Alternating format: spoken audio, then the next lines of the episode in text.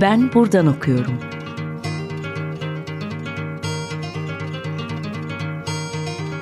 Edebiyat ve başka şeyler.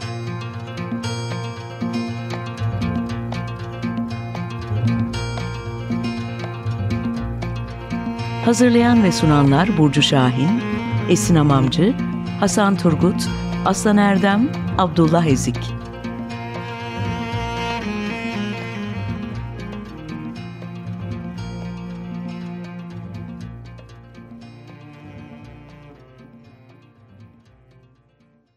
Herkese merhaba. 95.0 Açık Radyo'da Ben Buradan Okuyorum programındasınız. Ben Esin Hamamcı. Bugün Mimar Sinan Güzel Sanatlar Üniversitesi Batı Dilleri ve Edebiyatları Bölümü öğretim üyesi doçent doktor Zeynep Bilge ileyiz. Hoş geldiniz. Hoş bulduk. Teşekkür ediyorum davetiniz için. Biz teşekkür ederiz. Bugün edebiyat ve müzik e, konuşacağız. Edebiyat ve müziğin kesişim noktasının ortak yaratımı literatüper e, kavramı üzerinde duracağız. E, sizin edebiyatla müziğin kesişim noktası e, literatür, literatür oper e, başlıklı bir makaleniz hı hı. de var. E, buradan yola çıkarak e, ilk sorumu sorayım. E, edebiyatın operaya nasıl entegre olduğu ve bu dönüşüm sırasında hangi değişikliklerin kaçınılmaz olduğu sorularına cevap arayan e, literatür literatüper e, kavramı üzerinde duracağız. E, bu kavramı biraz sizden dinleyelim mi? Teşekkür ederim. E, literatür operi düşündüğümüzde aslında bu Almanca ve artık dünya geneline yerleşmiş olan bu Almanca terimin zaten içerisinde hem edebiyatı, literatürü hem de operayı görüyoruz, operi. E, aslında sizin de söylediğiniz gibi e, antik çağlardan bu yana e, bu iki kardeş e, sanat dalı olarak e, yorumlanan edebiyat ve müziğin e, en belirgin, en görünen, en güçlü e, ortak ürünlerinden bir tanesi olarak yorumlayabiliriz bunu.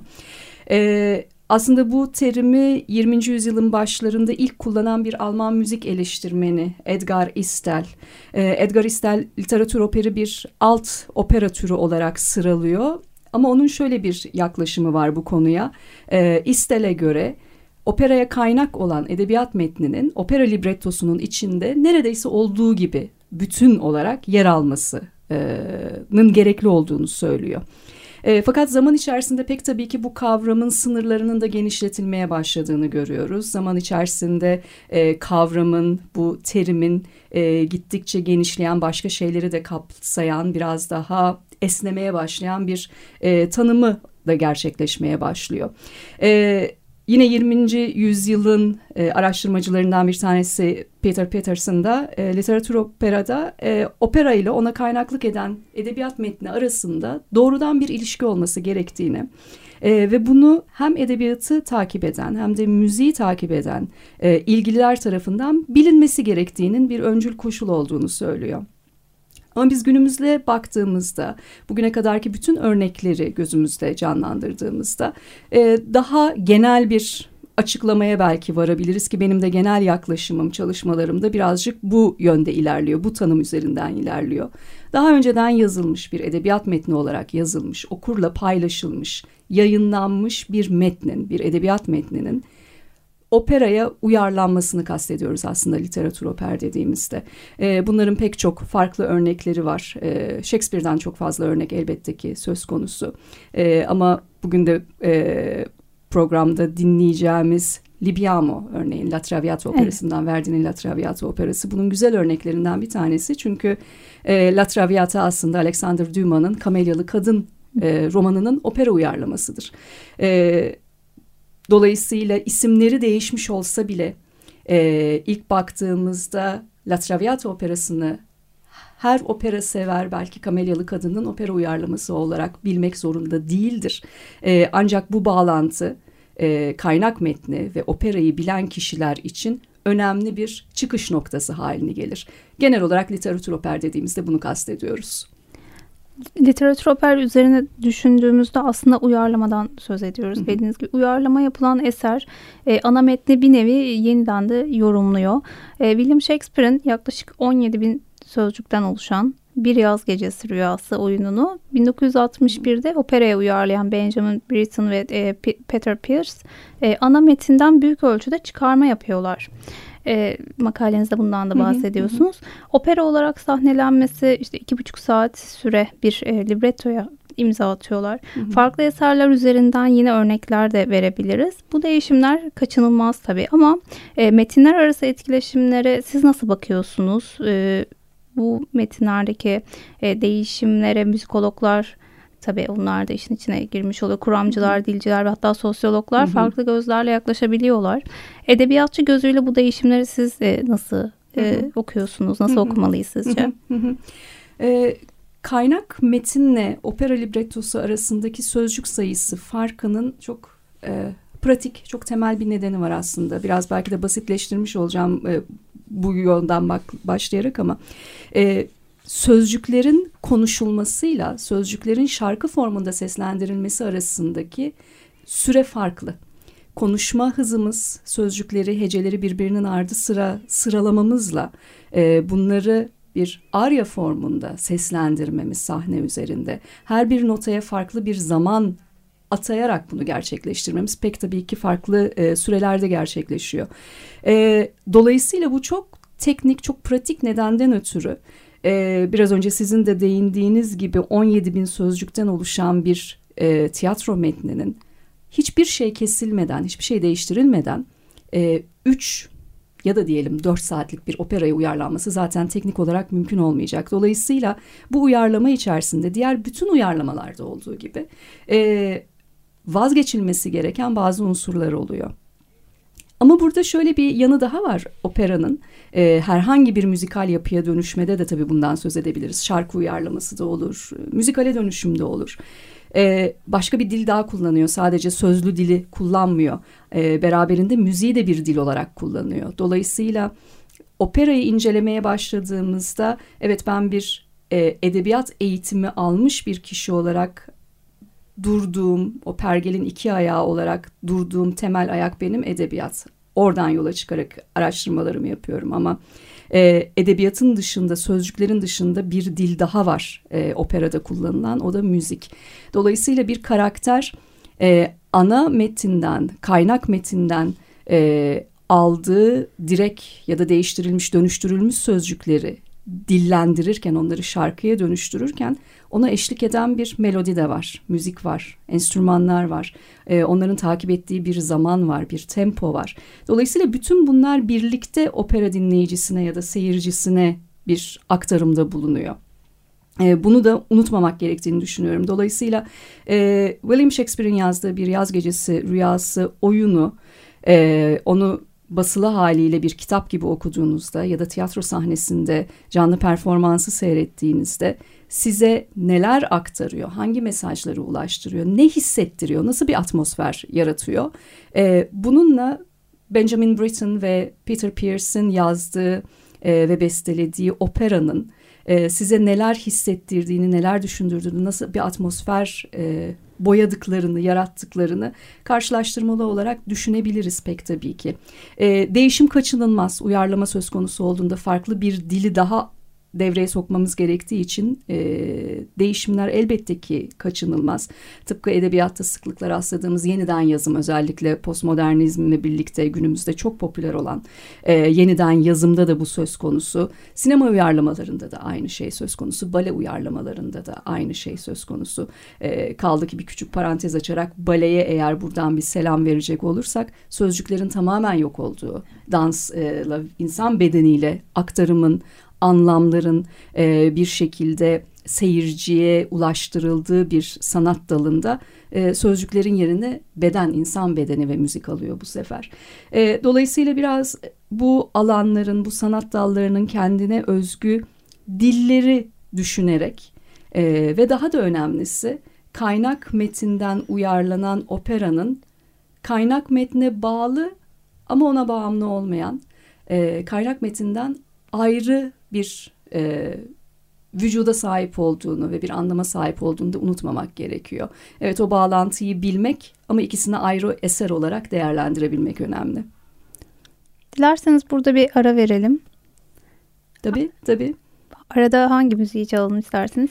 Ee, biraz önce de söz etmiştik. Ee, evet. Hem keyifli de bir müzikal arada vermiş olabiliriz. Ee, Verdi'nin Alexander Duma'nın Kamelyalı Kadın oyunundan, e, romanından pardon, e, uyarladığı La Traviata operasından Libiamo'yu dinleyebiliriz.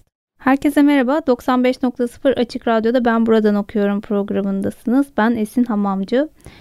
Doçent Doktor Zeynep Bilge ile literatür kavramını konuşuyoruz. Kaldığımız yerden devam ediyoruz. Zeynep Hanım, e, te, temsillerde değişen karakterlerin fiziksel yapısından dönemin modasına pek çok şey tabi bu, bu bağlamda da değişiyor. E, özellikle 19. yüzyıl Batı sanatını farklı yönlerden etkisi altına alan oryantalizm, e, Wilde'ın oyununda Doğu kültürlerine yapılan göndermelerle e, Strauss'un e, operasında ise özellikle Yedi Tül dansının müziğinde kendini gösterir diyorsunuz.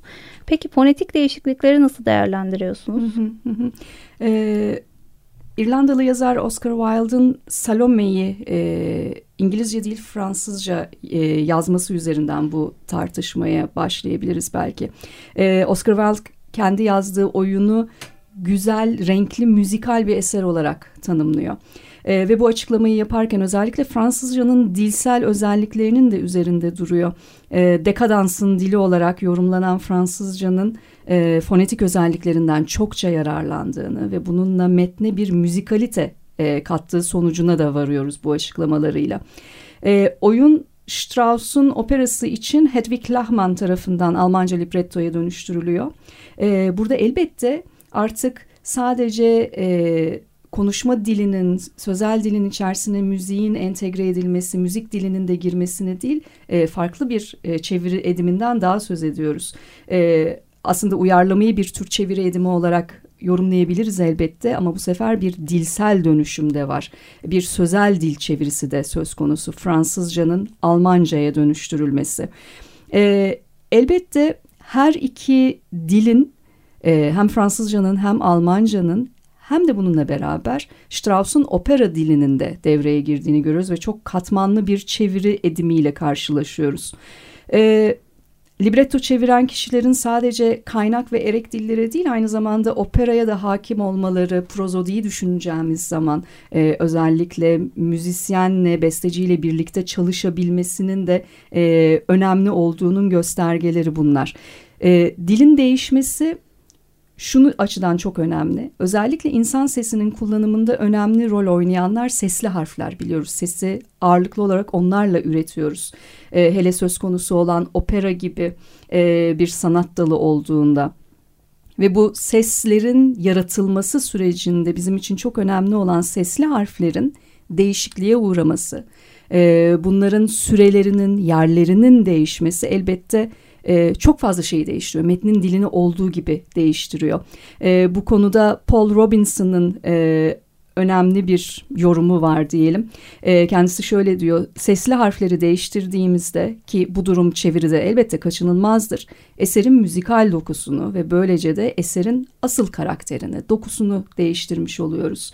E, dolayısıyla sizin de verdiğiniz Oscar Wilde'ın Salome oyununun Strauss tarafından operaya uyarlanması söz konusu olduğunda e, bununla ilgili çok fazla örnek de veriyor araştırmacılar. E, kaynak oyunda son derece müzikal gelen, zaman alarak konuşulan bazı sözcüklerin Almancanın dilsel özellikleri nedeniyle birazcık daha sert sessizlerle vurgulanan, sesli harflerin o özgür ve e, zaman alan, yayılan yapısını değiştiren bir e, bir karaktere de büründüğünü görüyoruz. E, dolayısıyla bu da özellikle çeviri söz konusu olduğunda elbette e, üzerinde düşünülmesi gereken, hassasiyetle durulması gereken noktalardan bir tanesi. Peki tekrar makaleden alıntı yapacağım ve sorumu yine onun üzerinden Hı-hı. soracağım. E, alıntılıyorum. E, sözcüklerle müziğin ortaklaşa meydana getirdiği operaya özgü dili kullanan e, literatür oper kaynağı olarak e, konumlandırdığı edebiyat metniyle bir arada ve aynı zamanda ondan bağımsız olarak varlık gösterebilme yeti, yetisine sahiptir diyorsunuz. E, operada seyirciyle kurulan ilişkide de aslında kaynağına gönderme yapılan ve onun bazı yönlerinin altının çizilip e, belirginleştirildiği bir dönüşümden bahsediyoruz. Burada e, libres, e, librettistin e, ve bestecinin rolü nedir? E, aslında her türlü uyarlamada ve e, edebiyattaki yeniden yazımlarda da ya da genel olarak yeniden yazımda e, olduğu gibi asıl olan uyarlamayı yapan, onu başka bir forma sokmayı, e, kendisine uğraşı edinmiş olan kişi ya da kişilerin kaynak metni nasıl okudukları ve onları yorumlama biçimleri. E, örneğin Verdi'nin Macbeth operasını izlerken Verdi ve onun librettisti Piave'nin Macbeth okumasına maruz kalıyoruz izleyiciler ve dinleyiciler olarak ya da e, Shostakovich'in Burun operasını izlerken bestecinin Gogol'un aynı adlı öyküsünü nasıl okuduğunu e, ve onun kendi zihninde e, müzikal olarak neye dönüştüğünü görüyoruz.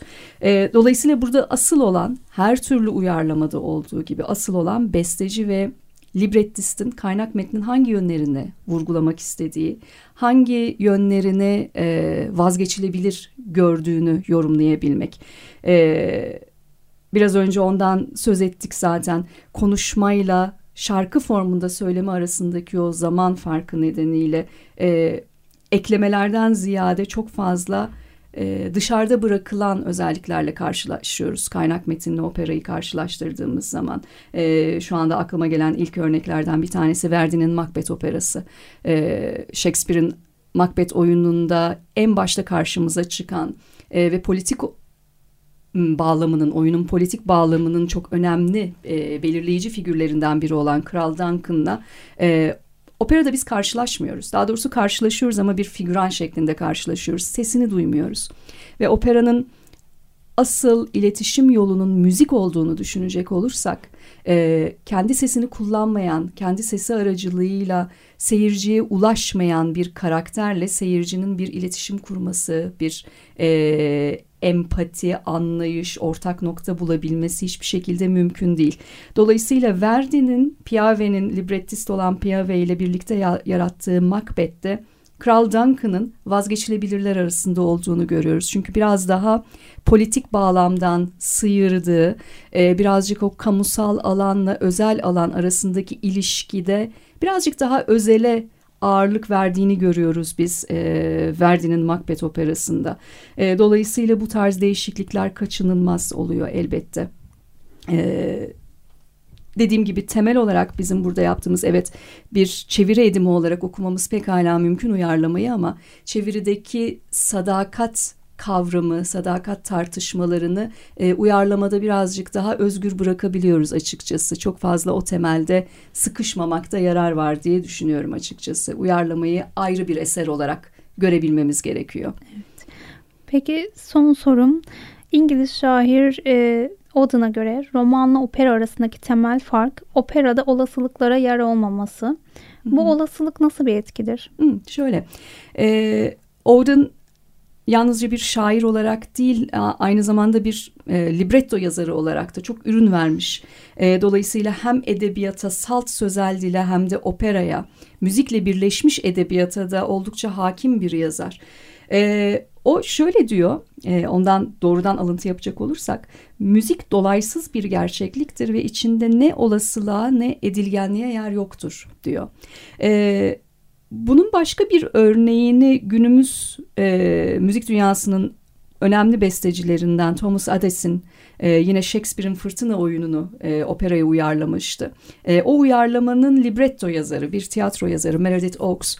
E, onunla yaptığım bir söyleşide şöyle açıklamıştı bu durumu. Müzikte her bir duygu bir ayrı bir kompartmandır. E, ve aynı anda şarkıyı söylediğiniz sırada sözcüklerin size sağladığı, sunduğu o birbiriyle çelişkili durumlar, ruh halleri e, ya da karakter özelliklerini şarkı söylerken yansıtmanız mümkün değildir e, diye bir iddiaları var. Aslında Oakes'un bu iddiasıyla Auden'ınkini paralel olarak okuyabiliriz. E, romanlarda ve öykülerde görünen iyi ve kötünün, etkin ve edilgenin birlikte var olabilmesinin şarkı söyleme anında e, operada karakterlere sunulamadığını, müziğin kendine has uzlaşımları nedeniyle bunun mümkün olmadığını aslında söylüyorlar. Evet, benim sorularım bu şekildeydi. Teşekkür ediyorum. Çok teşekkür ederiz Zeynep Hanım konumuz olduğunuz için. Ben teşekkür ediyorum, sağ olun. Bugün doçent doktor Zeynep Bilge ile literatür oper kavramı üzerine konuştuk. Sonraki bölümlerde görüşmek üzere. Hoşçakalın.